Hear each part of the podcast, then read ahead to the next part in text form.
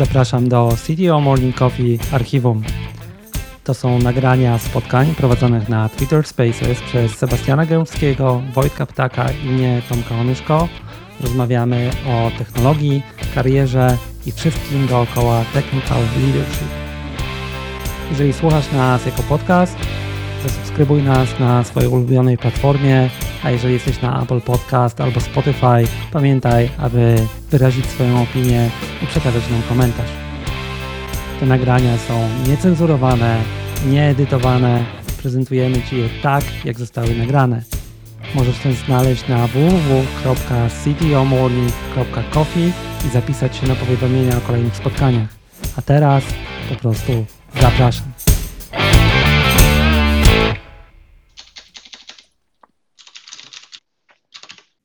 Sebastian, jest nas dwóch. Jest nas trzech. Czterech, Maciek Stopa, Polska. Cześć, cześć. Jak tam z rana, tuż przed świętami? Bardzo dobrze. No, dzisiaj będzie ciekawy dzień, bo patrząc na newsy, które przyszły przez noc, między... Ja jeszcze nic nie widziałem. O, i dzisiaj był bezprecedensowy wyciek z Lest Pasa. Będzie wielka awantura. A, tak, a to już wczoraj. Okej, okay, to ja jestem, działam z pewnym opóźnieniem. A czekaj, dane użytkowników są encrypted. E, wiesz co, tak, znaczy oni nigdzie nie przechowują tych masterpassów, natomiast... Nie, nie, ja wiem, ja trochę ironicznie, bo taki był komunikat oczywiście, nie? Natomiast może być ciekawie, no, to jest gruby temat. Nie no, jak ktoś zapuści ten brute force'a na tym, no to du dużo się okaże, kto miał jakie hasło. Oj tak. tak. Um, dobrze, Wojtek. Dzień dobry. Jesteś z nami? Jesteś. Dzień dobry, słyszycie mnie? Używasz LastPassa? Nie, nie używam LastPassa. Muszę przyznać. A w ogóle powiedz, no to w ogóle powiedzcie skąd nadajecie dzisiaj? Czy już gdzieś na urlopach, na jakichś rozjazdach? Ja wróciłem z urlopu do domu i e, jutro wyjeżdżam e, z powrotem, więc mam krótką przerwę będąc w Warszawie. O, super. Ja muszę przyznać, że słuchajcie, e, w tym roku zaplanowałem sobie urlop dopiero w styczniu. Mam zamiar wyczyścić sobie taką osobistą i zawodową to-do listę przed następnym tygodniu, więc liczę na parę spokojnych e, dni. A ostatnie wieczory spędzam na gotowaniu, bo w, w rodzinie gotuję e, przed świętami, więc w tym roku wyjątkowo, słuchajcie, dosyć sporo pogotowałem. Mogę się wow. pochwalić. Imponujące. Ja w życiu bym nie dotknął czegokolwiek, jeżeli chodzi o gotowanie. Nie dlatego, że uważam, że to e, jakaś nie moja rola, ale po prostu wiem, jaki dramatyczny byłby efekt, więc oszczędzam tych takich doświadczeń swoim bliskim. No chyba, że i tutaj tanecznym krokiem wziął przepis od e, ChatGPT. No, ja nie wiem, czy to przepis był wystarczający, ale właśnie, słuchajcie, bo my nie, dzisiaj nie o tym, my nie o przygotowaniu, nie o wakacjach, e, nie o, e, nie o gotowaniu, tylko mamy inny ciekawszy temat, temat lżejszy. I chyba po raz pierwszy taki temat, przynajmniej co do którego ja nie czuję się ekspertem, bo zwykle jednak mówimy o czymś, z czym czujemy się całkiem swobodnie, a dzisiaj chyba będzie temat, który gdzieś tam porusza nas wszystkich, ale niekoniecznie też czujemy się jakimiś must hackas, jeżeli chodzi o ten temat. Ale może zanim przejdziemy do samego tematu, to jeszcze tak garść takich ogłoszeń parafialnych albo przypomnień.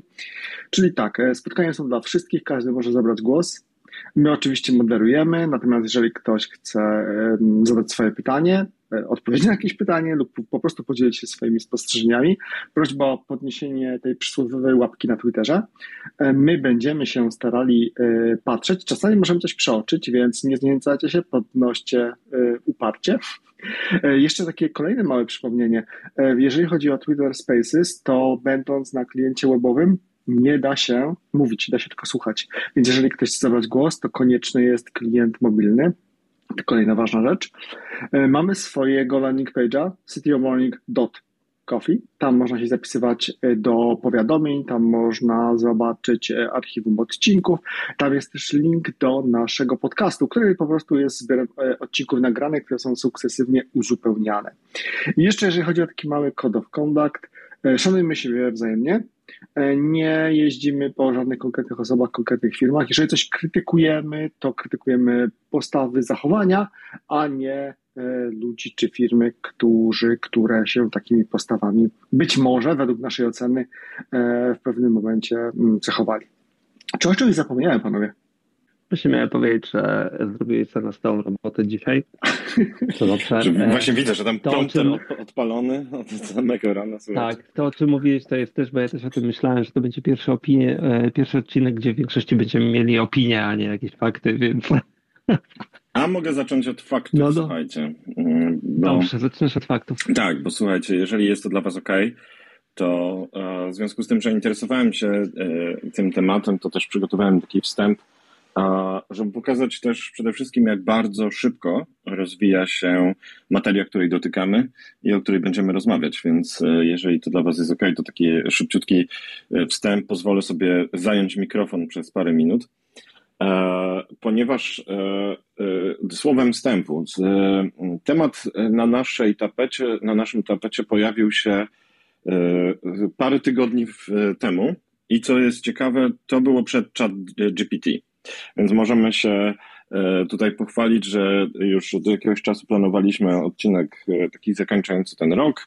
Chcieliśmy podsumować, jak właśnie może zmienić się rola programisty w przyszłych latach e, i wokół, wokół właśnie programowania w związku z rozwojem narzędzi AI.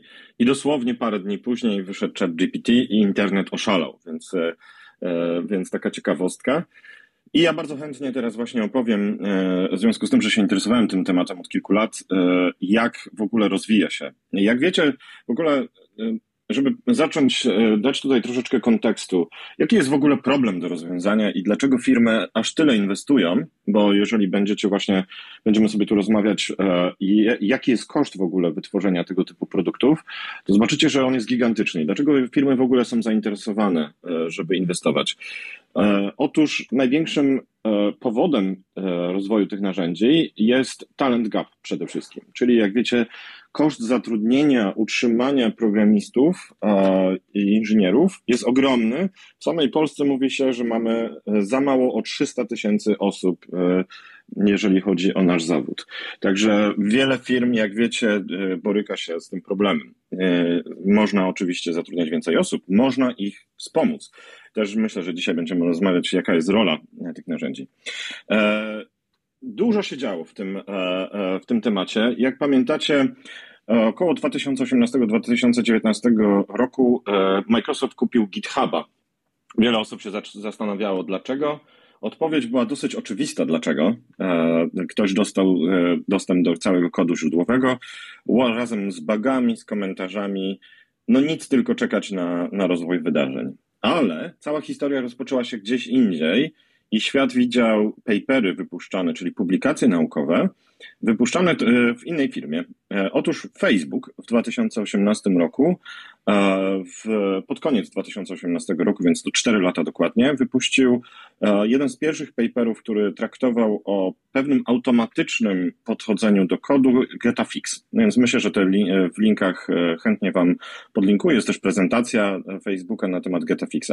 GetaFix to był model, który, którym Facebook się pochwalił, że działał już e, w momencie publikacji na produkcji, który, e, jeżeli chodzi o komitowany kod, sprawdzał, czy bugi, które najczęściej się pojawiają, które były wcześniej raportowane i poprawiane, pojawiają się w kodzie, który jest e, komitowany przez programistów.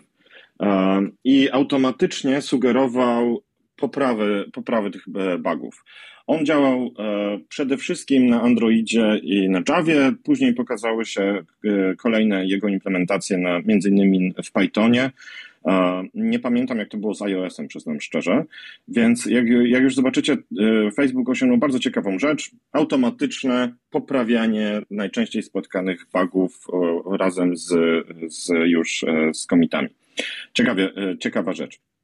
Następnie E, kilka, e, bodajże rok później, o ile dobrze pamiętam, e, pojawił się Aroma, również z Facebooka. Aroma to było, to było narzędzie, które można by powiedzieć jest protoplastą tego, co widzimy w dzisiejszych narzędziach, czyli tak naprawdę to był model, który wykorzystywał wszystkie, całą wiedzę Facebooka na temat kodu, który on posiadał, Oraz Facebook pochwalił się w, w paperze, że popularne posty ze Stack Overflow w celach rekomendacji najlepszych rozwiązań i najlepszych wzorców projektowych.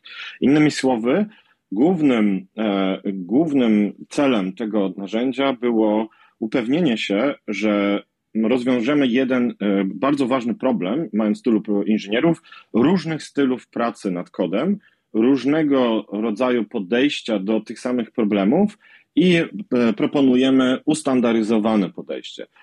Możecie sobie wyobrazić, co to znaczy. Z reguły, prawda, dużo łatwiejsze code review, dużo lepsza jakość, e, dużo lepsze utrzymanie, więc to, to narzędzie działało już od 2019 roku w Facebooku.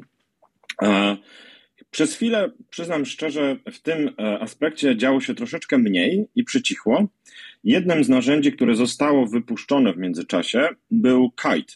Kite e, był wypuszczony mniej więcej w tym samym czasie. To był pierwszy projekt, jeden z pierwszych publicznych projektów, który oficjalnie mówił, że tworzony jest e, AI do wspomagania programistów. Mniej więcej w 2019-2020 roku Kite już można było sobie zainstalować, jeżeli chodzi o Python. E, przede wszystkim on e, z Pythona wspomagał bardzo dobrze.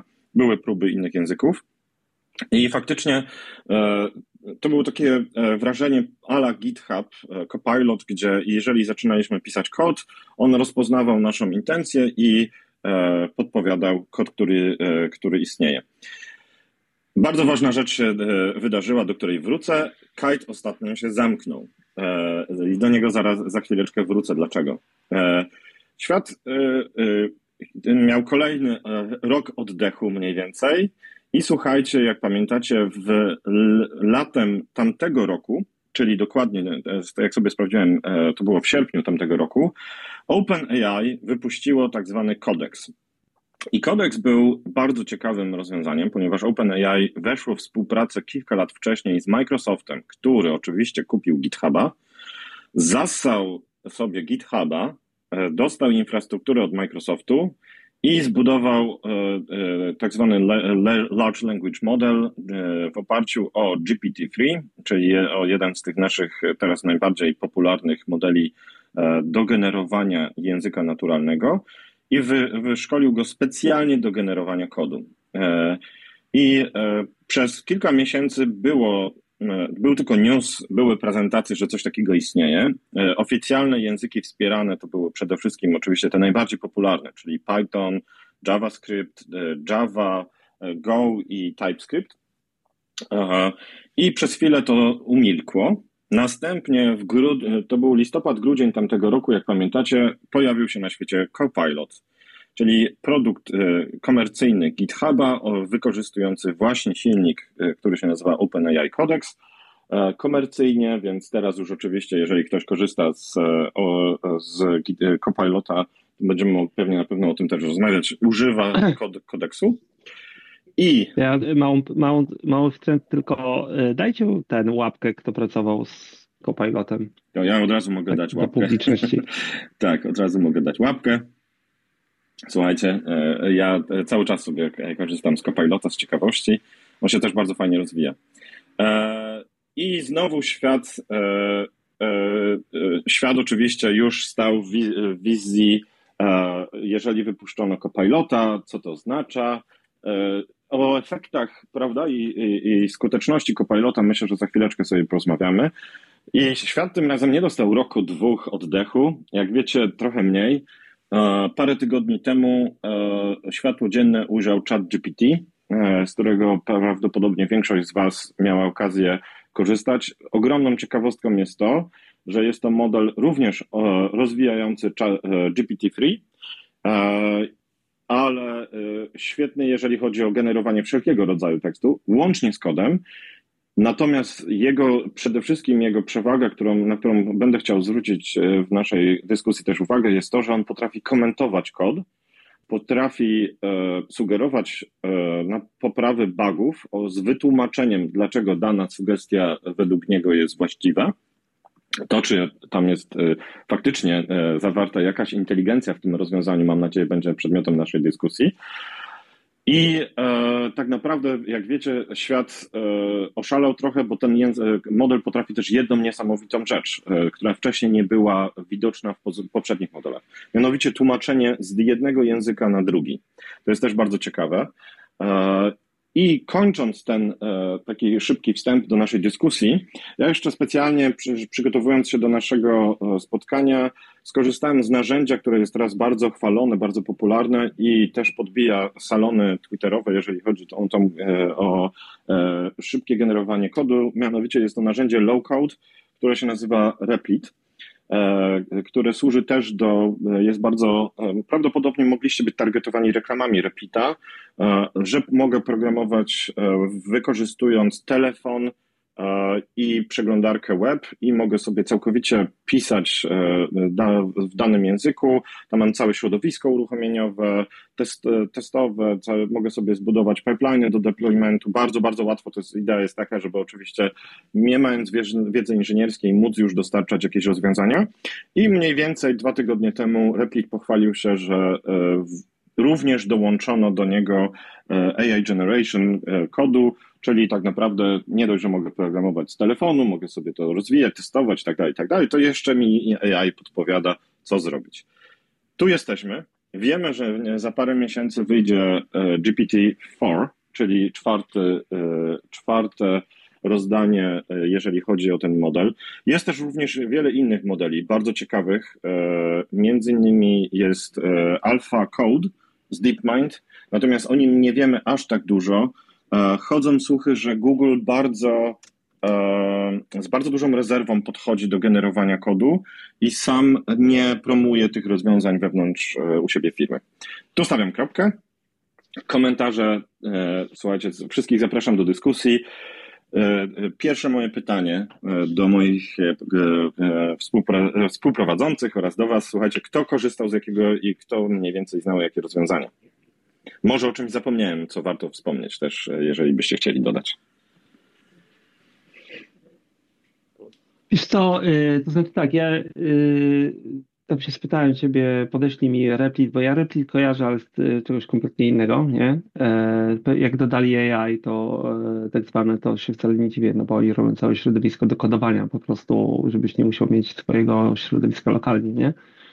E, tych rzeczy, które powiedziałeś, to chyba wszystko. Z tego to ja też kojarzyłem. Jeszcze pewnie kilka, których ja nie kojarzyłem. Dla mnie taka obserwacja z boku trochę jest, znaczy dwie, nie? Jeden, zauważcie, że te narzędzia i to wszystko rozwijają nie ci główni gracze, może wspierani tak jak OpenAI, nie? Ale e, że to robią jednak nie firmy typu właśnie Microsoft, Google, Amazon i tak dalej, tylko e, te mniejsze i rozwijają tą branżę.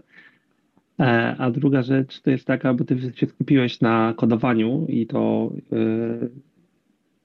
yy, to tak, bo to jest pewnie temat, który nas najszybciej dotyka, ale to jest cała gama rozwiązań, bo, bo silnik jako silnik, nie? No ale generalnie to, co się dzieje dookoła niego, nie? Czyli ludzie zaczęli bardzo szybko eksperymentować e, z użyciem tego w różnych e, zastosowaniach E, I tutaj moja obserwacja w ogóle jest taka, że bardzo szybko się to uproduktowiło, nie? No bo mamy generalnie silniki, które wyszły i równocześnie powstają API, które pozwalają z nich korzystać, e, coś, co pozwala bardzo szybko budować na nich, nie? E, więc narzędzi jest masa, nie? No bo są pluginy do przeglądarek, są pluginy do IDE, które podpowiadają, nie? Ja tam potestowałem trochę takich różnych rozwiązań. Już dużo wcześniej mieliśmy E, dużo wcześniej mieliśmy wszystko, co wspiera jakikolwiek copywriting i tak dalej, nie? Więc e, oprócz kodowania to, to zmienia jeszcze bardzo dużo innych branż, nie? I to warto też na tym, e, na tym trochę się, na to trochę popatrzeć, nie? Ja z racji tego, nad czym pracuję zawodowo, to, to też miałem do czynienia z dużą ilością takich narzędzi.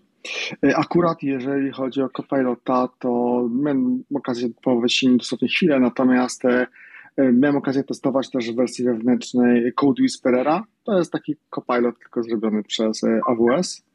E, mam też okazję od dłuższego czasu pracować z czymś, co się nazywa Tab9 i to jest zupełnie inny model. To jest też wykorzystanie sztucznej inteligencji w pracy programistów, natomiast no, tamten model koncepcyjny nie jest oparty o takie generative AI, mm, działa to trochę inaczej, moim zdaniem lepiej, ale do tego też możemy dojść później. E, miałem też okazję dotknąć różnych narzędzi właśnie do, do, do, do generowania czegoś w oparciu o AI. Trochę innych tak powiedział Tomek, może nie wiem, domenach czy, czy, czy obszarach. E, oczywiście pewnie wszyscy słyszeli o DALI, o Stable Diffusion, Diffusion i tak dalej, natomiast są też inne narzędzia, na przykład do generowania muzyki, e, do generowania e, na przykład podpowiedzi e, jakichś rekomendacji związanych z, nie wiem, z środowiskiem DevOpsowym, czyli gdzie powinniśmy coś zoptymalizować, gdzie mamy potencjalny punkt, gdzie wydarzy się jakaś awaria. I, I, to są takie narzędzia, które stają się coraz sprytniejsze. Kiedyś one były bardzo proste, można było powiedzieć, takie zwykłe systemy ekspertowe, teraz one są coraz bardziej wysublimowane i oparte właśnie nie o jakieś proste reguły ifowe, tylko o modele wytrenowane na jakichś dużych mm, wolumenach faktycznych systemów, które się tam działy. E, tak jeszcze, żeby tutaj dopowiedzieć dwie rzeczy. E, z jedną rzeczą, którą powiedział Tomek, się nie zgadzam trochę, dlatego że Tomek powiedział, że nie stoją za tym duży gracze, to są jakieś małe firmy. To trochę taka, trochę nie. No bo jednak mimo wszystko za tym OpenAI to stoi w dużej mierze Microsoft, to wszystko jest zrobione na Azurze. Dlatego powiedziałem, że są wspierani przez te no, no, Wspierani na takiej zasadzie, że to wręcz finansowanie jest to po prostu jakiś tam brand, mały zespół, mała, mała firma, która została wykupiona oczywiście gdzieś tam na pewnym etapie. E, tak działają też duże firmy. Więc tak naprawdę ciężko znaleźć taką firmę, która robi tutaj dobrą robotę, jeżeli chodzi o ten taki nowoczesny AI, ale która nie jest już mocno związana z którymś, z przynajmniej jednym z tych hyperscalerów. Tak jest moja obserwacja. Może tutaj znajdziecie jakieś takie kontrprzypadki. E, druga rzecz, którą powiedział Wojtek, e, jest ciekawa i ja bym może trochę taki bardziej zgeneralizował też, bo mamy ten GPT-3,5 i w oparciu o GPT-3,5 e, jest już znacznie więcej komercyjnych rozwiązań niż tylko i wyłącznie chat GPT. Ja widziałem wczoraj jakąś listę, było dosłownie tego chyba już z 10, takich już monetyzowanych. Natomiast e, ta rewolucja przyspiesza. A ten e, GPT-4 będzie, on już, ten e, zakres dat, na który on był spodziewano była jego premiera, to jest od w grudnia, czyli już teraz, do bodajże lutego. Czy to już za chwileczkę będziemy mieli styczność z nim. Pytanie, czy tam rzeczywiście będzie już taka rewolucja jakościowa, bo może o tej rewolucji jakościowej też sobie za chwileczkę powiemy, czyli co, co na nas takie wielkie wrażenie zrobiło. Natomiast ja myślę, że fajne będzie w ogóle też podzielenie się trochę naszymi wrażeniami odnośnie rzeczywiście z tego, czego korzystamy na co dzień. No bo e, efekt wow na przykład w przypadku ChatGPT jest super fajny, tylko teraz pytanie, no on jest jeszcze nie monetyzowany jako sam ChatGPT e, poza Microsoftem. Pytanie, czy ktoś z Was już, już korzysta rzeczywiście z tego na co dzień i zmieniło to jego sposób pracy, e, bo to jest tak naprawdę bardzo interesujące. To ja korzystam na co dzień z rzeczy, ale właśnie w innych domenach, czyli nie przy kodowaniu. Znaczy przy kodowaniu korzystam z Copilota, tak? Jak coś piszę i tak dalej, no to mam Copilota. E, ja właśnie nawet sprawdziłem tak swoją drogą e, sobie tam, e, ja generalnie kilka lat temu już w zasadzie napisałem, nie to, że tutaj wiesz, jestem panem sobą, nie, ale generalnie w okolicy 2021 napisałem taki kawałek newslettera, gdzie puściłem hasło pod tytułem AI Assisted Tools, nie? No bo ja widzę największe użycie tego właśnie w tym, że to jest ja coś robię i to mnie wspiera, nie? Więc ja na co dzień korzystam, nawet nasze, nasz branding na CDO Morning Coffee na podcaście jest wygenerowany po prostu z dali, tak? Czyli jak robię, jak potrzebuję szybkiego, szybkiej inspiracji do zrobienia czegoś, no to generalnie generuję to czy w dali, czy w Stable Diffusion i potem daję komuś do przerobienia po prostu, tak? E, dużo używam e, też takich rzeczy dookoła tekstów czy idei, nie? czyli tutaj ChatGPT E, na przykład mocno pomaga w wygenerowaniu jakiegoś pierwszego draftu i takie rzeczy. I tutaj jest też trochę to, to, to, to bo nie wiem, czy tam wszyscy kojarzą Microsoft w którymś momencie, a ja pracuję mocno w Microsoft nie jednak, e, kupił prawa do użycia, tak, GPT.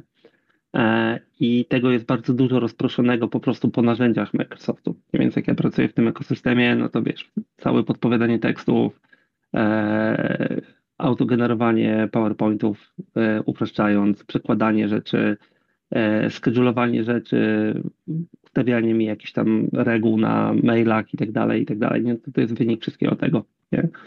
E, więc ja używam, ale nie w tych domenach. Też przy okazji podcastów na przykład i tego typu rzeczy to używam na przykład dużo jakichś transkryptów, edycji w oparciu o to i tak dalej. Ja się przyznam, że używam zaskakująco mało. Może dlatego, że jestem control freakiem po prostu. Ale ja na przykład znacznie lepiej, tak żeby trochę porównać, no bo miałem dostęp do tego wewnętrznego Code Whisperera, więc mogłem zobaczyć, jak to działa już wcześniej. Natomiast y, znacznie lepiej niż takie generatory kodu korzysta mi się z narzędzi typu Tab9, które uczą się mojego stylu, rozumieją, w jaki sposób ja na przykład konstruuję kod, jak ja nazywam zmienne, rozumieją te konwencje i nawet e, dzięki temu więcej procesów hula na mojej lokalnej stacji. I tam niestety ta inferencja dzieje się też lokalnie, e, ale dzięki temu ja faktycznie mam takiego e, badiego cyfrowego, który faktycznie trochę czyta w moich myślach, ale konkretnie moich myślach. Nie podpowiada mi generycznych rozwiązań, tylko podpowiada to, co jest właściwe konkretnie dla mnie. I to mi się fantastycznie sprawdza. Natomiast co do wielu takich rozwiązań tych AI-owych jestem wręcz nastawiony negatywnie. Przede wszystkim do tych rozwiązań jest już coraz więcej, czy to pluginów, czy to aplikacji, które wspierają budowę bazy wiedzy. Tam pojawi się MMI, Notion AI i tak dalej. Jestem do tego nastawiony bardzo negatywnie, bo niestety mam wrażenie, że zaczynamy cedować, e, e, my liczymy na to, że cedujemy swoją kreatywność, a tak naprawdę cedujemy sprytne wiązanie informacji, które z kreatywnością niekoniecznie ma cokolwiek wspólnego. I to jest znowu niebezpieczne, bo e, nawet pewnego rodzaju mentalne mięśnie trzeba ćwiczyć, po prostu ciągle je, ciągle je używając. I jeżeli coraz więcej tej kontroli będziemy oddawać, przestaniemy to ćwiczyć, to myślę, że to będzie z dużą E, z dużym uszczerbkiem dla, dla ogólnie nasze, naszych sił sprawczych, że tak powiem. Ja myślę, że Sebastian, jeszcze przejdziemy za chwilę do, do wrażeń i no. krytyki, natomiast ja bym chętnie zadał e, pytanie do wszystkich, e, cześć wszystkim, jeszcze do, do, do wszystkim, którzy dołączyli, więc widzę, że sporo osób właśnie dołączyło się w tej części dyskusji, słuchajcie, więc tutaj mogę podpowiedzieć, że zrobiliśmy taki wstęp mniej więcej, jaka jest historia, I e, otwarte pytanie, właśnie kto z Was używa e, jakich narzędzi, e, które wiecie, że mogą być wspierane sztuczną inteligencją lub są wspierane sztuczną inteligencją, więc zapraszamy serdecznie. Bardzo chcemy poznać Wasze wrażenia, bo ta dyskusja też, tą dyskusję chcemy poprowadzić też w kierunku właśnie wrażeń z tego, gdzie te narzędzia według nas są, gdzie będą i jak zmieni, e, gdzie jest też nasza krytyka tych narzędzi i e, gdzie widzimy ich ograniczenia, jak zmieni się nasz zawód w przyszłości ze względu na te narzędzia. Więc bardzo chętnie Was zapraszamy, żebyście się dołączyli do tej dyskusji. Szczególnie będzie pewnie dla Was interesująca ta druga część. Natomiast chętnie zbieramy, zbieramy wrażenia, jeżeli chodzi Wasze skorzystanie z tych narzędzi. W międzyczasie ja mogę jeszcze dodać też, mm, ja mogę powiedzieć tak, no faktycznie e, to było dla mnie od razu bardzo interesujące, e, zestaw tych narzędzi, więc byłem, jak tylko mogłem się zapisałem właśnie na Copilota, to udało mi się dosyć, dosyć szybko e, uzyskać to zaproszenie, więc mogłem z niego korzystać chyba z tego co pamiętam jesienią w tamtym roku, przed tym, czy jakoś, no nieważne. W każdym razie moje pierwsze wrażenie było dosyć ciekawe, E, też z tego powodu, że Copilot, e, po pierwsze, to co na mnie zrobiło wrażenie, faktycznie dosyć nieźle porusza się w różnych językach, e, więc potrafi podpowiadać w kilku językach. To, co ja, ja mam wrażenie, Sebastian, bo ty powiedziałeś, że masz faktycznie takiego um, pair programming buddy. I to jest w ogóle bardzo ciekawe, bo to jest taki linia reklamy dla wielu z tych produktów. E, więc to jest też za chwilę chętnie się odniosę do tego, co powiedziałeś i co to znaczy, e, jak będziemy krytykować prawdopodobnie te rozwiązania, ten Pair Programming Body e, i gdzie tutaj są ograniczenia. Natomiast ja mogę powiedzieć, że faktycznie, jeżeli chodzi o ten AI Assisted, to te narzędzia bardzo mocno i ciekawie działają już teraz, pomimo tego, że to są, słuchajcie, pierwsze wersje, no bądźmy szczerzy, tych narzędzi. I dla mnie Copilot oznacza bardzo mocne przyspieszenie. E, jedną rzecz ciekawą zauważyłem, e, nie wiem, czy próbowaliście włączać i wyłączać je pozwolenie, żeby analizował wasz kod i wysyłał do serwerów e, Copilota, ale zauważyłem, że on potrafi się uczyć w ramach większego projektu, potrafi rozpoznawać wzorce, jakiś sposób podejścia do programowania w tym danym projekcie i podpowiadać zgodnie z nim. Innymi słowy, jeżeli mam coś prostego, takiego POC, które rzeźby sobie szybciutko, a na przykład już e, bardziej dopracowany, e, dopracowany kod, faktycznie Copilot będzie potrafił działać już w troszeczkę różnych, e, w różnych wersjach, powiedzmy, jakościowych. Więc to jest moje wrażenie. Pytanie do wszystkich, słuchajcie, zapraszamy do dołączenia do nas i podzielenia się wrażeniami. Zanim zrobi się kolejka, to ja wskoczę jeszcze chwilę, bo Sebastian dotknął jednej rzeczy, może to już przeskakując nawet do przodu, bo ja widzę główną główną rzecz w tym właśnie to, że to jest asystent, nie coś, co zastępuje, nie? I według mnie, akurat moja opinia, nie, e, i to, co ja obserwuję z tak jakby z ciekawością, to jest właśnie to, bo patrzcie, jak to działa. To są modele, które wymagają dużych zasobów, żeby je wytrenować, zbudować i tak dalej, ale potem stosunkowo niedużych zasobów, żeby działać. E, I według mnie najszybszy droga rozwoju, która się pojawi, to jest dokładnie to, że te modele będą schodziły bliżej nas, nie? No bo w tej chwili mamy Copilot, który działa na serwerach, e, jest gdzieś usuwany, a one będą schodzić bliżej nas, tak jak Stable Diffusion zeszło, że możesz go odpalić i będą się nas uczyły, nie? I wtedy będzie dopiero e, duże wykorzystanie tego, no bo w tej chwili faktycznie czy, czy kod, czy teksty, które ja nawet miałem rozmowę teraz w trakcie jeżdżenia na nartach z jednym kolegą, no bo to, co generują te modele jest, krótko mówiąc, okrągłe, nie? Czyli jest trochę, jak jest okrągłe, to jest trochę nijakie też, nie? I potem można je poznać. Ale też potrafią wygenerować, jeżeli powiesz, zrób coś w danym stylu tej osoby, jeżeli mają dane, nie? I to, co się odpaliło w międzyczasie, to się odpaliło też to, że odpaliły się e, instancje, one są głównie w tej chwili tam jakieś e, zabawki typu e, profile picture i tak dalej, ale to, co one robią, to one bardzo szybko budują model wytrenowany pod ciebie, tak? Czy jakby jego branż. Więc to, co Sebastian powiedział, to według mnie to będzie najszybsza gałąź rozwoju tego komercyjna, czyli e, narzędzi, które będą korzystały z tych modeli do tego, żeby dostarczać taki personality experience, nie? czyli uczę się na twoim kodzie, na tym jak piszesz i robię to tak jak ty.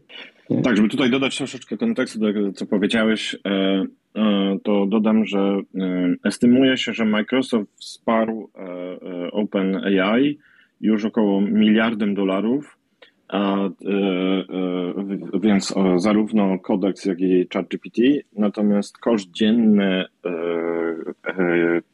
utrzymania ChatGPT na produkcji i obsłużenia tego ruchu, który ma, jest estymowany na, na ten moment na około 100 tysięcy dolarów dziennie, czyli to jest 3 miliony dolarów miesięcznie, więc e, oczywiście można to podzielić, ile to oznacza dla użytkownika. E, mniej więcej w tym momencie estymowane jest, że jest milion użytkowników ChatGPT na świecie, więc e, te koszty oczywiście będą coraz mniejsze.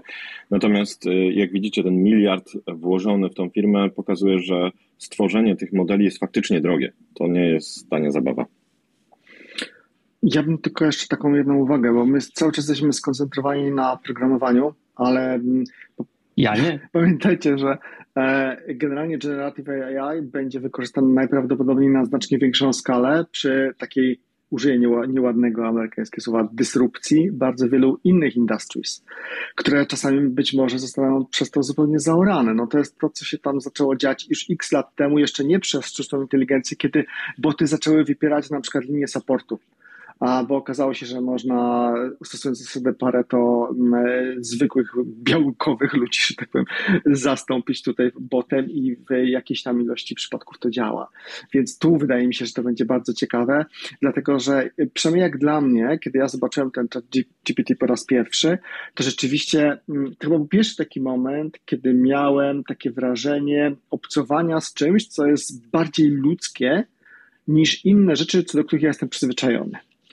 A bo to, że mam dokładnego searcha w różnych aplikacjach i że coś potrafi przeindeksować gigantyczne bazy wiedzy i odpowiedzieć mi na jakieś moje pytanie w oparciu o, istniejące już dane, to jestem tego przyzwyczajony, to każdy jest tego przyzwyczajony.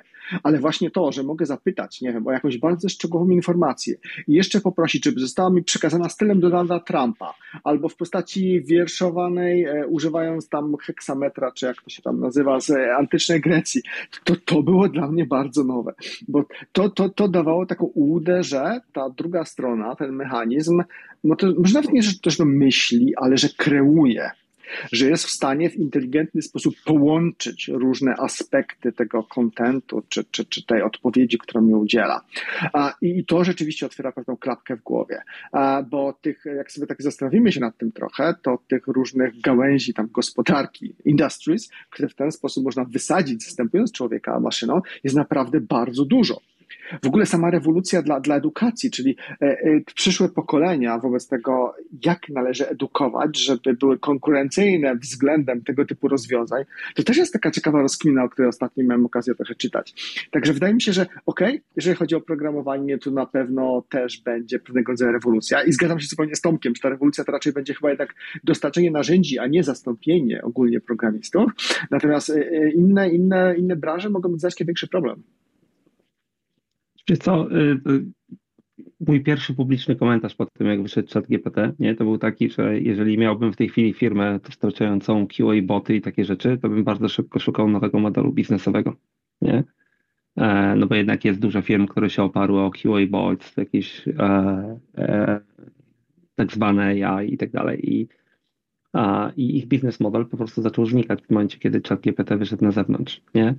E, tych dysrupcji takich, e, jeżeli chodzi o tego typu pracę, to będzie bardzo dużo, bo wiesz, bardzo dużo na przykład rzeczy, które są copywritingiem, e, marketingowe i tak dalej, one już są generowane w ten sposób, nie? Co więcej, już masz na LinkedInie i Twitterze krążące linki, Boty, jak, które... jak, z, jak przygotować w ogóle super ekstra content używając ChatGPT. Co więcej, widziałem już nawet filmik, gdzie osoba prezentowała, jak zautomatyzować najbardziej czytelne e, artykuły w szerokim swoim networku, podpiąć to wszystko pod zapiera i e, generować artykuły swoje, które będą odpowiadały na i grzały dyskusje. Więc jak widzicie, cały model mocno się zmienia. I są całe konta, które wygenerowane, znaczy nie, nie generowane, ale są ludzie, którzy podpięli po prostu chat GPT pod odpowiadanie pod swoimi postami, nie? Czyli zamiast po prostu obsługiwać swój content, to robią to automatycznie. E, zresztą akurat w tej chwili dosłownie e, na dniach było, bo McDonald's, nie, czyli sieć restauracji, odpaliła pierwszy kompletnie zautomatyzowany post, nie? czyli pierwszą restaurację, gdzie już w ogóle nie ma człowieka oprócz maintenance. Nie? I to też jest częściowo możliwe dzięki temu, bo e, interakcja i też to, co Sebastian powiedział, teraz tak, żeby nie było złudzeń, tam nie ma inteligencji dalej, nie? ale interakcja jaką masz z, tą, z tym interfejsem, z tym algorytmem, jest taka, że daje ci złudę tego, że, że jest tam ciąg, tak? że jest tam ktoś, kto odpowiada i tak dalej. To oczywiście bardzo szybko może pójść sideways. Ludzie to pokazali, że to się da. E, tam jest jeszcze kilka takich zagrożeń, ale to może. Odnośnie ciekawych projektów wypuszczonych w ostatnich tygodniach jest też. E, z Google, z tych spółek googlowskich to mogło umknąć wielu osobom, to, to, to przyćmiło, wszystko przyćmił teraz chat GPT wyszedł e, robot, który używa e, tak. właśnie tak. tego typu sieci do interakcji ze światem. Innymi słowy, on potrafi interpretować potrafi interpretować zdarzenia wokół siebie i potrafi wchodzić w interakcję z otoczeniem, oczywiście wliczając ludzi, dużo lepiej i to jest faktycznie już oparte na sztuczną inteligencję, także jego reakcje i interakcje. Mhm. I to jest pierwszy, pierwszy taki faktycznie styk świata fizycznego, absolutnie, i e, właśnie tego typu modeli, więc e, to jest taka ciekawostka. Ja, e, żeby tutaj zrobić klamrę, bo tak oczywiście możemy, możemy opowiadać dosyć długo na ten temat, żeby zrobić klamrę do tej części, chcę zwrócić Wam uwagę na jedną rzecz. Wielu z nas, żeby przejść dalej, wielu z nas twierdzi, że mamy bezpieczny zawód i że programiści E, jest to jeden z najlepszych zawodów. Jak pamiętacie, niesamowita liczba bootcampów wybuchła przez ostatnie 3-4 lata, zachęcając absolutnie wszystkich, żeby się uczyli programowania. Równolegle to, co się działo, jak pamiętacie, rozpocząłem, skąd to się wszystko wzięło? Od talent gapu właśnie, czyli różnicy pomiędzy ilością e, osób, które faktycznie są w stanie zapewnić pewien rodzaj umiejętności, a rynkiem, który tych umiejętności potrzebuje. E, I zwróćcie uwagę, jak to wszystko się rozpędziło. 2018, pierwsze, pierwsze takie najprostsze modele, o których świat zaczął słyszeć. 2019-2020 powolutku, co rok wypuszczał się jakiś tam model, o którym słyszeliśmy. W przeciągu ostatniego roku, ja bym powiedział, że mamy do czynienia z eksponencjonalnym e, rozwojem tej technologii. Jeżeli to przyłożycie, za rok o tej porze będziemy mieli całkiem inną dyskusję.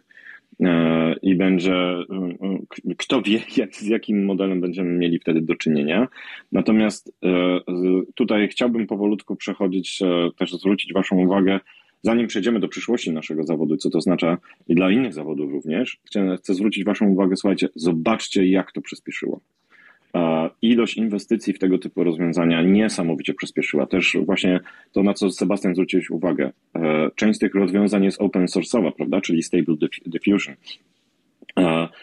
Ludzie dostali do rąk e, w ogóle wiedzę, jak budować tego typu rozwiązania i założę się, że teraz jest dziesiątki zespołów naukowców, dziesiątki zespołów małych firm, E, zajawionych ludzi, którzy myślą, ok, co zrobić z tego typu umiejętnościami, co zrobić z tego typu wiedzą.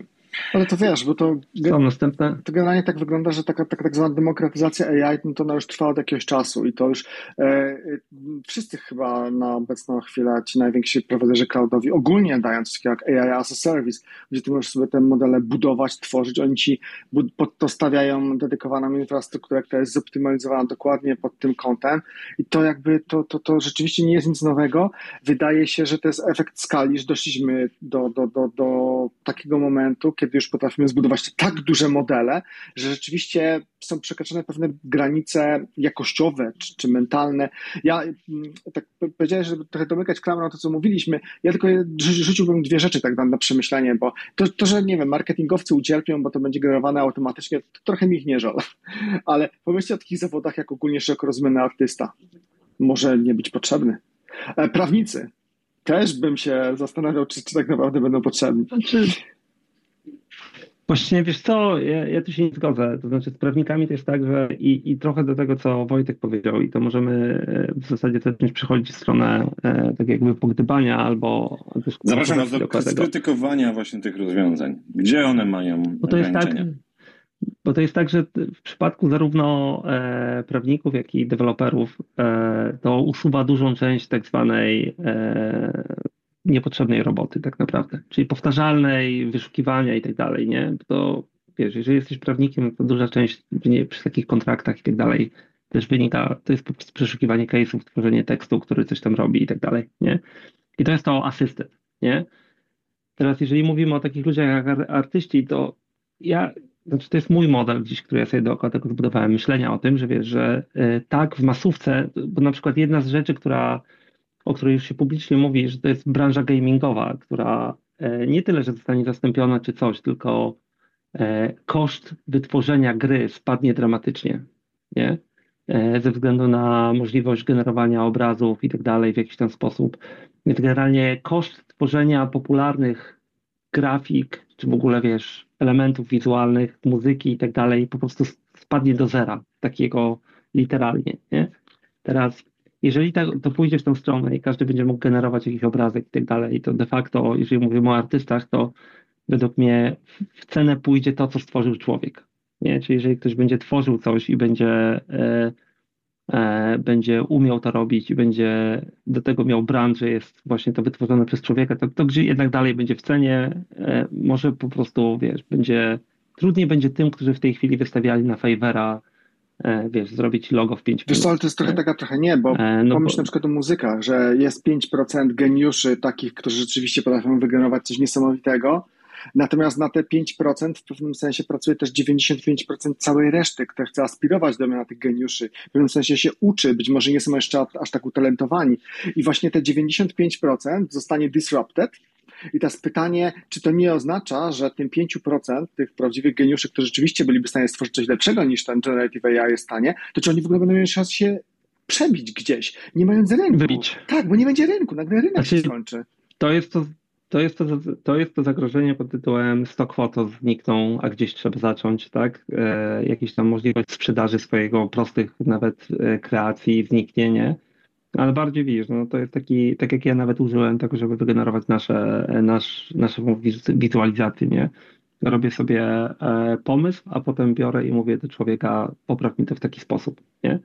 Oczywiście będzie tego coraz mniej, więc tak, e, na tym poziomie to, to się zgodzę z Tobą, że jest to takie zagrożenie. Wiesz, nawet, ale... Y, nawet geniusze artystyczni, oni też przez większość czasu to grali do kotleta, nie? żeby w końcu mieć szansę gdzieś tam z tym swoim geniuszem gdzieś tam się przebić. Myślę, że to będzie duży dramat. W ogóle, ale tych zawodów jest znacznie więcej, nie wiem, dziennikarze. Po co komu dziennikarze, jeżeli mamy tego typu chat GPTs i tak dalej? Przecież sami żeśmy w tym naszym wewnętrznym gronie omawiali niezły skandal, który był jakiś czas temu, kiedy ktoś tam się dopatrzył, że jakaś część książek chyba na Amazonie była generowana automatycznie tak. i to rzeczywiście była jakaś treść, ta treść była totalnie bzdurna. To chyba nasz rodzimy Michał Zalewski Kampów o tym Tak, pisał. Michał Zalewski Kampów. Tak. Dokładnie, tak. więc e, no myślę, że ta, ta różnica będzie, będzie dramatyczna. Ale słuchajcie, bo właśnie tak Wojtek powiedział, może przejdźmy do tych zagrożeń, bo to jest chyba też ciekawe.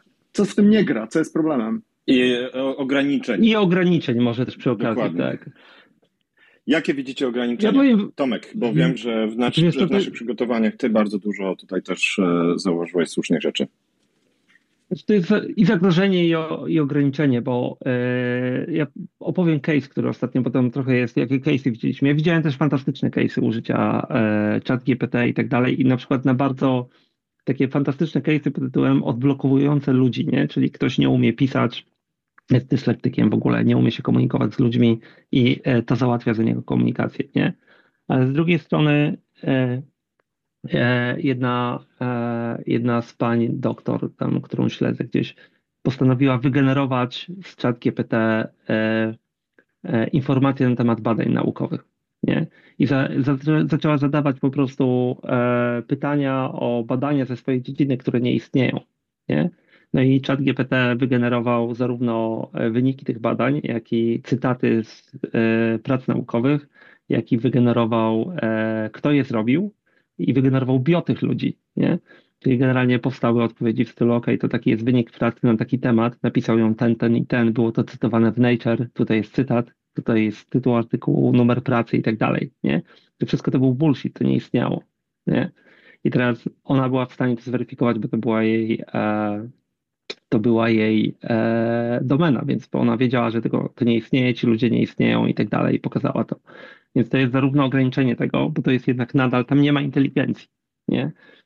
A, a zagrożenie z tego wynikające jest takie, że jeżeli właśnie ktoś pisze kod i nie rozumie tego kodu dalej jest w stanie ukryć to, bo pracuje na takim poziomie, że jest w stanie generować ten kod przez narzędzia, no to będzie generował kod, który jest głupi. Nie? Jeżeli ktoś pisze teksty do gazety, w szczególności dostanie zadanie napisania tekstu na temat, nie wiem, e, cen ogórków na giełdzie w Tokio, funkcji e, ilości lotów samolotami i chemtrailsów, nie? To go wygeneruje i uzasadni go naukowo, nie? Więc największe zagrożenie dla mnie jest takie, i to jest trochę co Sebastian powiedział, że wcześniej przy okazji zbierania wiedzy przy pomocy tych narzędzi, nie? że jeżeli odpuścimy krytyczne myślenie na tym, to, no to po prostu pójdzie sideways strasznie, nie? no bo będziemy czytać rzeczy wytworzone przez algorytmy, które nie miały pojęcia, które zweryfikował człowiek, który nie miał pojęcia o tym. Tak, ja tutaj jeszcze raz podkreślę, słuchajcie, zapraszamy do dyskusji, bo to jest chyba jeden z najważniejszych, najważniejszych części. Spróbujemy powróżyć z fusów też. E, jakie ja widzę ograniczenia? Przede wszystkim, słuchajcie, e, jest jeden wielki problem do rozwiązania, mianowicie, jak wiecie, sztuczna inteligencja, e, jeżeli chodzi o generowanie treści, jest świetna w generowaniu treści, które już wcześniej widziała, albo w oparciu o treści, które już wcześniej widziała. To dotyczy również e, kodu. E, ciekawy, ciekawy problem będzie, co jeżeli wypuszczamy nową wersję oprogramowania, biblioteki, język programowania, jak szybko te modele będą się, się uczyły. To jest mniejszy Oczywiście to nie jest jakiś ogromnie trudny problem do rozwiązania, natomiast jest to, słuchajcie, bardzo, bardzo ciekawe. Druga rzecz, którą ja widzę, mm, te modele jednak zamykają nas, to o tych wszystkich modelach, które opowiadaliście, zamykają nas w pewnej bańce. E, nam się wydaje, że to jest bańka kreatywna. E, poruszamy się wokół rzeczy, które są dla nas e, które są e, dla nas nowe, natomiast one jednak są oparte o coś, co my chcemy zobaczyć, przeczytać, e, napisać, jeżeli chodzi o programowanie. Więc to, są, e, to jest bardzo, bardzo ciekawy problem. Natomiast to, to są ograniczenia, które osobiście widzę. Więc Sebastian, czy ty byś chciał dodać coś do, jeżeli chodzi o ograniczenia samych tych rozwiązań teraz? Ja mam trzy rzeczy, z czego dwie powiązane. E, pierwsza rzecz to jest to, co powiedział Tomek, i to trzeba trochę podkreślić. To jest ten, ten problem się nazywa halucynacjami. Czyli właśnie, że mm, tego typu rozwiązania jak ChatGPT są w stanie twierdzić coś z pełnym przekonaniem, mimo tego, że no to jest jakiś tam false positive a są w stanie to po prostu wygenerować. I wydaje mi się, że to jest problem gdzieś tam na jakimś etapie pewnie też rozwiązywalny w dużej mierze. Natomiast na chwilę obecną ciężko jest tym rozwiązaniem zaufać. To jest taki pierwszy problem. Drugi problem, który widzę, to jest problem związany z tym, że mm, Ktoś już bardzo fajnie napisał w jakiejś książce odnośnie wyszukiwarek. Wyszukiwarki stały się bramą do internetu e, i niektórym ludziom, uwaga, może to zabrzmi śmiesznie, trudno, e, zastąpiły Boga. Dlaczego? Bo ludzie w tym momencie nie potrzebują starszych osób, bardziej doświadczonych. Już zginął taki model w ogóle mędrca, człowieka, który przeżył więcej w życiu, po co są nam niepotrzebni. E, wystarczy zapytać się Google'a. Kiedyś nasze babcie, moja mama jeszcze na przykład, miała gdzieś zeszyt z jakimiś przepisami kulinarnymi, które spisywała od swojej mamy i od jej mamy i tak dalej. I to była pewnego rodzaju wiedza, która była bardzo cenna. Dzisiaj, czy jest coś takiego potrzebne? Widzimy te, pewnego rodzaju kryzys, jeżeli chodzi właśnie o te relacje między młodszymi a starszymi pokoleniami. I e, internet i ogólnie wyszukiwarki trochę się do tego przyczyniły. I teraz wydaje mi się, że kiedy mamy jeszcze bardziej human-like e, interfejs w postaci takiego chat GPT, który jest w stanie w tak błyskotliwy sposób odpowiedzieć na wiele różnych rzeczy, to mm, znowu będzie to oznaczało pewnego rodzaju kryzys, powiedziałbym, socjologiczny, społeczny, to jest bardzo ciekawe, zwłaszcza, jeszcze to zrobię taką małą dygresję, że e, e, ludzie, kiedy zobaczą, jak to fantastycznie działa, pierwszy, drugi raz, trzeci, zobaczą świetne odpowiedzi, zaczną wierzyć. To są krytyczne. Ale, ale, właśnie, będą do tego podchodzić bezkrytyczne, a pamiętajmy, ktoś za tym stoi, jakaś korporacja. I teraz może być serwowany nam przekaz, Pamiętajcie, zwycięzcy piszą historię. Może być serwowany nam przekaz, który tą historię przepisuje. Nie chciałbym tu wchodzić w kwestie polityczne, ale jak wiemy, scena polityczna globalnie jest teraz mocno spolaryzowana i są pewnego rodzaju nazwijmy to, nie wiem, frakcje, grupy, które wręcz historię przepisują i czują, że pewnego, pewnego rodzaju misję do tego, a y, czują, że robią to w szczytnym celu. I teraz, kto nam zagwarantuje, jakim modelem i w którym kierunku zbiasowanym został nakarmiony dany mechanizm. Y, więc w związku z tym, tak naprawdę mamy teraz idealne kolejne narzędzie do tego, żeby zawładnąć myślami ludzi i, i poglądami ludzi, ukształtować światopogląd kolejnych pokoleń. Może się okazać, że w ciągu jednego pokolenia, może nawet krócej, e, no, przepiszemy historię świata. To jest dla mnie kolejne, kolejne ryzyko. Jeszcze jedno ryzyko, żeby też znowu się nie rozgadać. Mm, mówiliśmy trochę, e, to sam nawet mówiłem, o ryzyku dla takich branż jak branża artystyczna. To nie każdy sobie przemyśli, czy według niego to jest ryzyko, czy nie, ale załóżmy, że jest to ryzyko trochę mniejsze niż myślałem. Że ci artyści ciągle, że tak powiem, będą walczyć, będą się starali wyróżnić, ale pamiętajcie, te modele też są gdzieś trenowane w oparciu właśnie o pracę tych artystów. I to jest taki shady area, jeżeli chodzi o prawa po prostu copyright. Do, do, nawet w tym momencie nawet jest dosyć ciężko e, dojść, na podstawie czego zostało to faktycznie wytrenowane i ciężko jest dochodzić swoich praw, no bo już nie mamy tego takiego typowego plagiatu, że to zostało skopiowane literalnie. Teraz już mamy skomplikowany model deep learningowy, gdzieś tam jeszcze oparty o jakiś reinforced, e, reinforced learning e, i tak naprawdę tym artystom będzie coraz ciężej udowodnić, że na przykład coś z tego tytułu im się należy. Więc może się też okazać, że to już będzie w ogóle totalnie nieopłacalne, bo ty coś tworzysz, a w oparciu o to będą stworzone tylko i wyłącznie po prostu lepsze modele AI-owe. Więc jak dla mnie to też będzie taki dodatkowy efekt flywheel, który jednocześnie będzie dusił pewnego rodzaju branżę. Że ta jednak ta praca manualna, praca indywidualna, to ona tylko będzie ulepszać modele przede wszystkim. Także z takich grubszych ryzyk to ja powiedziałbym, że takie widzę. To ja wrzucę jeszcze jedno, trochę nawiązując do tego, co mówisz, i ono jest bardzo grube, nie? Bo to, co powiedziałeś, to. E, znaczy, ja mam takie pytanie, na które jest out of my depth.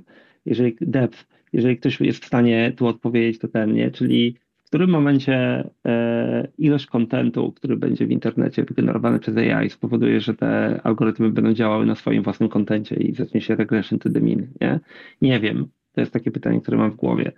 A dlaczego. E, Matrix Breakdown. Tak, dlaczego ono jest ważne? I teraz ja mam taki swój mały, prywatny model pod tytułem ja czytam bardzo dużo książek science fiction i bardzo je lubię, przyznaję, nie? I tam jest, potem się okazuje, że dużo jakichś takich pytań, które były zadane w tych książkach w różny sposób, to one się pojawiają, nie? I jedna z takich e, książek, którą jakiś czas temu pisałem, poruszała temat filtrowania treści. I to jest powiązane z AI w taki sposób, że i, i, jak jest, i, i to się wiąże do, idzie do problemu socjalno-finansowego, krótko mówiąc, czyli jeżeli cię będzie stać, będziesz mógł sobie kupić, wytrenować prywatny model, który będzie bardzo dobrze filtrował treści generowane w sposób automatyczny. To jest to, co Sebastian powiedział. Tak? Czyli ludzie, którzy będą, będą bardziej zamożni, będą w stanie inwestować albo mieć, co ważniejsze, ludzi, którzy będą filtrować im treści. Ludzie, którzy, których nie będzie na to stać, nie będą wiedzieli, że są karmieni treściami wygenerowanymi, treściami wygenerowanymi przez algorytmy nie? co w długim okresie czasu de facto może spowodować, że pogłębi nam się e, po prostu społeczeństw, podział społeczeństwa na tych zamożnych i mniej zamożnych, bo e, to, że te modele ułatwiają jakąś pracę i tak dalej, to spowoduje na przykład właśnie e, usunięcie jakichś rzeczy związanych z zarabianiem na stock photo, z Fiverr i tak dalej. Nie? Gorsza sytuacja ten, a z drugiej strony poprawi sytuację tych, którzy nie muszą polegać na tych modelach i mogą się tylko nimi wspierać. I to jest jedno z takich dużych zagrożeń, które według mnie istnieje e, w dłuższym okresie czasu. Guardian o tym napisał. Mamy nawet tutaj cytat, tylko nie mam akurat linka. Mogę potem wygrzebać linka, ale oni dok dokładnie napisali o tym samym. A to w ogóle to jest ciekawe, co powiedziałeś, bo e, ty się podparłeś tym, że e, można być może, będzie można płacić na przykład za filtrowanie, czyli ci, którzy będą chcieli za to płacić, będą mieli tą informację płacić odfiltrowaną właśnie, z, ale też może to działać w drugą stronę. Czyli może się okazać, że my się uzależnimy trochę od tych modeli, uzależnimy się od tego typu źródeł wiedzy, a one będą segmentowane, czyli ci na przykład, których stać, żeby zapłacić trochę więcej, dostaną lepsze modele, albo dostaną modele. Tak, tak. I to tak. jest dramat, dlatego że my jesteśmy przyzwyczajeni do tego, że przez ostatnie lata dostęp do wiedzy był otwarty, był demokratyczny wręcz, e, a teraz może okazać się, że przechodzimy dokładnie w tym drugim kierunku, w tym kierunku, który znaleźliśmy z przeszłości. To był, to był dokładnie model, który gdzieś tam, powiedzmy, wizja, która gdzieś się tam pojawiła, e, by the way, w książce człowieka, który e, wymyślił pojęcie metaverse. E, Nie Stevenson. Ale. Słuchajcie, bo e, tą książkę zalinkujcie. Natomiast tak. taka klamra i zapraszam Was do podsumowania, co to oznacza dla nas, jako programistów, jako inżynierów, jako liderów. Co ten rozwój technologii, jej przyspieszenie oznacza dla nas? No ja, ja mam krótkie i proste, bo tak jak mówię, kilka razy już w newsletterze swoim prywatnym się do tego gdzieś tam odnosiłem. Według mnie krótkoterminowo, nie? To, e, to oznacza tyle, że nie, nie należy, znaczy nie należy przegapiać tych rzeczy, to znaczy nie należy według mnie podejść do tego, a to tylko ciekawostka i tak dalej. To jest narzędzie, nie? I tego narzędzia trzeba się zacząć uczyć, czyli na przykład umiejętność dobrego promptowania tych narzędzi, to będzie coś, co, e, co będzie naprawdę przydatne, nie? E, umiejętność rozumienia tego. Ja zresztą słuchałem wywiadu e, w którymś z podcastów niedawno z jednym z takich znanych programistów i on powiedział, że on używa tego do uczenia się, nie? czyli generalnie robi prompt, ten prompt mu coś pokazuje, on widzi jakiś API, którego nie znał i mówi, ok, co, co jest za API, idzie za tym, nie? Więc według mnie jedna rzecz to jest taka, że nie należy tego przegapić, należy się zastanowić, jak to działa, zrozumieć, jak to działa i zacząć tego używać, bo ta umiejętność promptowania na przykład to będzie po prostu kolejny język, nie? Więc na pewno jest to to, że e, w najbliższym czasie prędzej czy później będziesz tego używał i prędzej czy później to się w ogóle też pojawi e, w e, wymaganiach do pracy, tak? Z drugiej strony według mnie to pojawi się też problem taki, że ale de facto on jest dobry. Dla tych, I tu znowu wchodzimy w różnicę generated versus human, nie? bo e, zaleje nas po prostu słaba jakościowa ilość kodu i tekstów i tego typu rzeczy, nie? I ona nas po prostu zaleje kompletnie i za jakiś czas z tego zaczną wypływać ci, którzy są w stanie jednak na przykład to poprawić, pisać lepiej, rozumieć i tak dalej, nie? Czyli jednak ci humans będą tam potrzebni, nie? Więc w tym terminie najbliższym, takim, wiesz, typu następne dwa lata, to ja bym po prostu aktywnie zaczął tego używać, żeby nawet wiedzieć, co to robi i obserwował rozwój tego i patrzył, jak to może mi usunąć po prostu jakieś takie hurdles typu praca, którą robię, a której nie muszę robić. Nie? Ja się spodziewam jednej rzeczy, poza tymi, które powiedział Tomek, to zgadzam się z tym, co powiedział. Spodziewam się też tego, że mm, rozleje się moda na rynku To jest moda niekoniecznie na nie wiem, korzystanie z ChatGPT, e, natomiast to jest, będzie moda na wzbogacanie swoich własnych narzędzi. Czy co? Masz e-commerce'a, masz CRM-a, masz cokolwiek, to jeżeli to jest po prostu goła funkcjonalność, czy że wchodzisz i sobie coś dodajesz do jakiegoś tam stoku i możesz, nie wiem, przesunąć, sprzedać i tak dalej, to będzie zbyt mało. Bo teraz będzie oczekiwanie, że te narzędzia będą ci to podpowiadały. Teraz będzie oczekiwanie, że one ci inteligentnie powiedzą, że słuchaj, w twojej okolicy 25% merchantów, e, którzy oferują podobne produkty, obniż, przy, po obniżeniu na przykład wartości produktu o 7%, to ich sprzedaż podskoczyła o tyle, a tyle procent. Teraz będzie to oczekiwanie, że te rozwiązania będą cię prowadzić trochę za rączkę. Czy będzie oczekiwanie, że e, jest potrzeba na to, aby z łatwością tworzyć swoje własne modele dla swoich własnych domen i je używać, wplatać je w swoje produkty. Więc wydaje mi się, że to będzie niesamowity boom, trochę nas mówię jak marketingowiec taki cloudowy, natomiast spodziewam się czegoś takiego, że to się bardzo rozleje po rynku w najbliższych dwóch latach. Wiesz co, to się rozleje z jednego powodu też, tak tylko wskoczę z innej perspektywy, bo e, na co były wydawane pieniądze w ostatnich dwóch latach? Web3, krypto i tak dalej, nie? Generalnie bust się zrobił trochę, no i w tej chwili wszystkie fundusze siedzą na pieniądzach i muszą je gdzieś zainwestować. No i jest od kilku miesięcy po prostu jest inwestycja na, na, na szybko, wszyscy szukają po prostu e, gdzie je wepchnąć w Generative AI, co spowoduje dokładnie to, co powiedziałeś. Czyli następne 2-3 lata będziemy mieli po prostu wysyp startupów, spółek dookoła tego, związanych z komodytyzacją tego. Tym bardziej, że tak jak wspomniałem, e, wiele z tych modeli jest open source'owych, tak. więc nie musicie już mieć doktoratu z, z tak. sieci neuronowych, żeby zrozumieć, jak je zbudować. Ja chciałem Tutaj, troszeczkę inaczej to, Wojtek, na to popatrzeć. Wojtek, ja tylko jeszcze dodam jedną rzecz, bo to jest coś, co akurat gdzieś tam sobie wysłuchałem w jakimś e, Wolin podcast, nie? E, jest taki. I tam była słuszna uwaga, że w najbliższych dwóch, trzech latach, co się wydarzy, to wszyscy będą w stanie budować te modele. Nie? To jest to, co Wojtek mówiłeś. Jest open source, mhm. ludzie zobaczą, zaczną je budować. I z tych wszystkich ludzi wyciągną się 1-2% ludzi, którzy będą mieli unikalne dane, na których wytrenują ten model. Mhm, Czyli mhm. ktoś, kto jest domenowy i w tej domenie będzie miał dane, na których zbuduje unikalny model, który będzie komercjalizował. Nie? Ja bym chciał e, zwrócić uwagę na troszeczkę jeszcze inny aspekt. On odnosi naszego własnego zawodu. I jak pamiętacie, my jesteśmy z takich roczników, gdzie było, bardzo było bardzo popularne takie powiedzenie, że nie po to studiowałem IT, żeby rozmawiać z ludźmi. E, jeżeli ktokolwiek dalej tak myśli, to, e, to jest taki wake-up call. I e, rozwój tych technologii to jest taki gigantyczny wake-up call.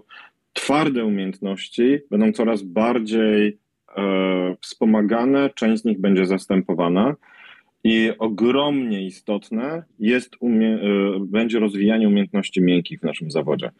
Umiejętności myślenia strategicznego, umiejętności planowania, umiejętności łączenia bardzo trudnych e, e, wstępnie kropek. Te modele nie są dobre i nie będą długo jeszcze dobre w zrozumienie człowieka i przetłumaczenia wymagań biznesowych na język technologiczny i opracowania całego rodzaju architektury. O no-code ja słyszę już od wielu, wielu lat. Nic się tak naprawdę, słuchajcie, w tej e, materii jakoś ogromnie nie zmienia. E, natomiast to, że my będziemy wspierani... Wojtek, nie, nie straciliśmy, albo tylko ja. Twardych... Tylko ty. Okej, okay, to przepraszam was. To, że będziemy, e, to, że będziemy wspierani powoduje, że będziemy szybsi, że będziemy y, dużo więcej swojej pracy automatyzować. Natomiast słuchajcie, fakt y, jest taki, że te umiejętności twarde i skupianie się tylko i wyłącznie na umiejętnościach twardych odchodzi już ostatecznie, to jest jedna z ostatnich kropek.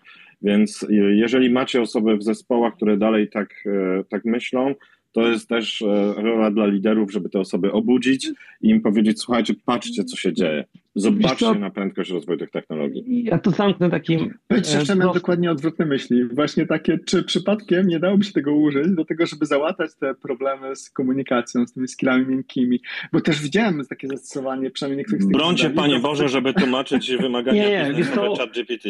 Wojtek, wytłumacz, wytłumacz mi, co ten kod robi na przykład i opisz mi, co ten kod robi i powiem Ci, Wojtek. że wynik był niezły, bo to było rzeczywiście nieźle ustrukturyzowana odpowiedź. Ale słuchajcie, jesteśmy już po 9.30, więc to jest chyba dobry moment, żeby zawijać do brzegu. E, dzięki bardzo za dzisiejszą dyskusję. E, to jest nasze ostatnie spotkanie w 2022 roku, więc dzięki bardzo za to, że byliście z nami, że braliście udział we wszystkich naszych programach, bo to jest już e, odcinek 25. Póki co, to co? Dla oczywiście wszystkich tych, którzy świętują, to wesołych świąt, szczęśliwego nowego roku i co? Słyszymy się po nowym roku. Dużo spokoju, zdrowia i rodzinnych, e, wesołych świąt Wam życzymy. Wzajemnie ogłoszenia o następnym spotkaniu, tradycyjnie Twitter, LinkedIn, maile. Zapraszamy. Trzymajcie się. No, cześć, hej.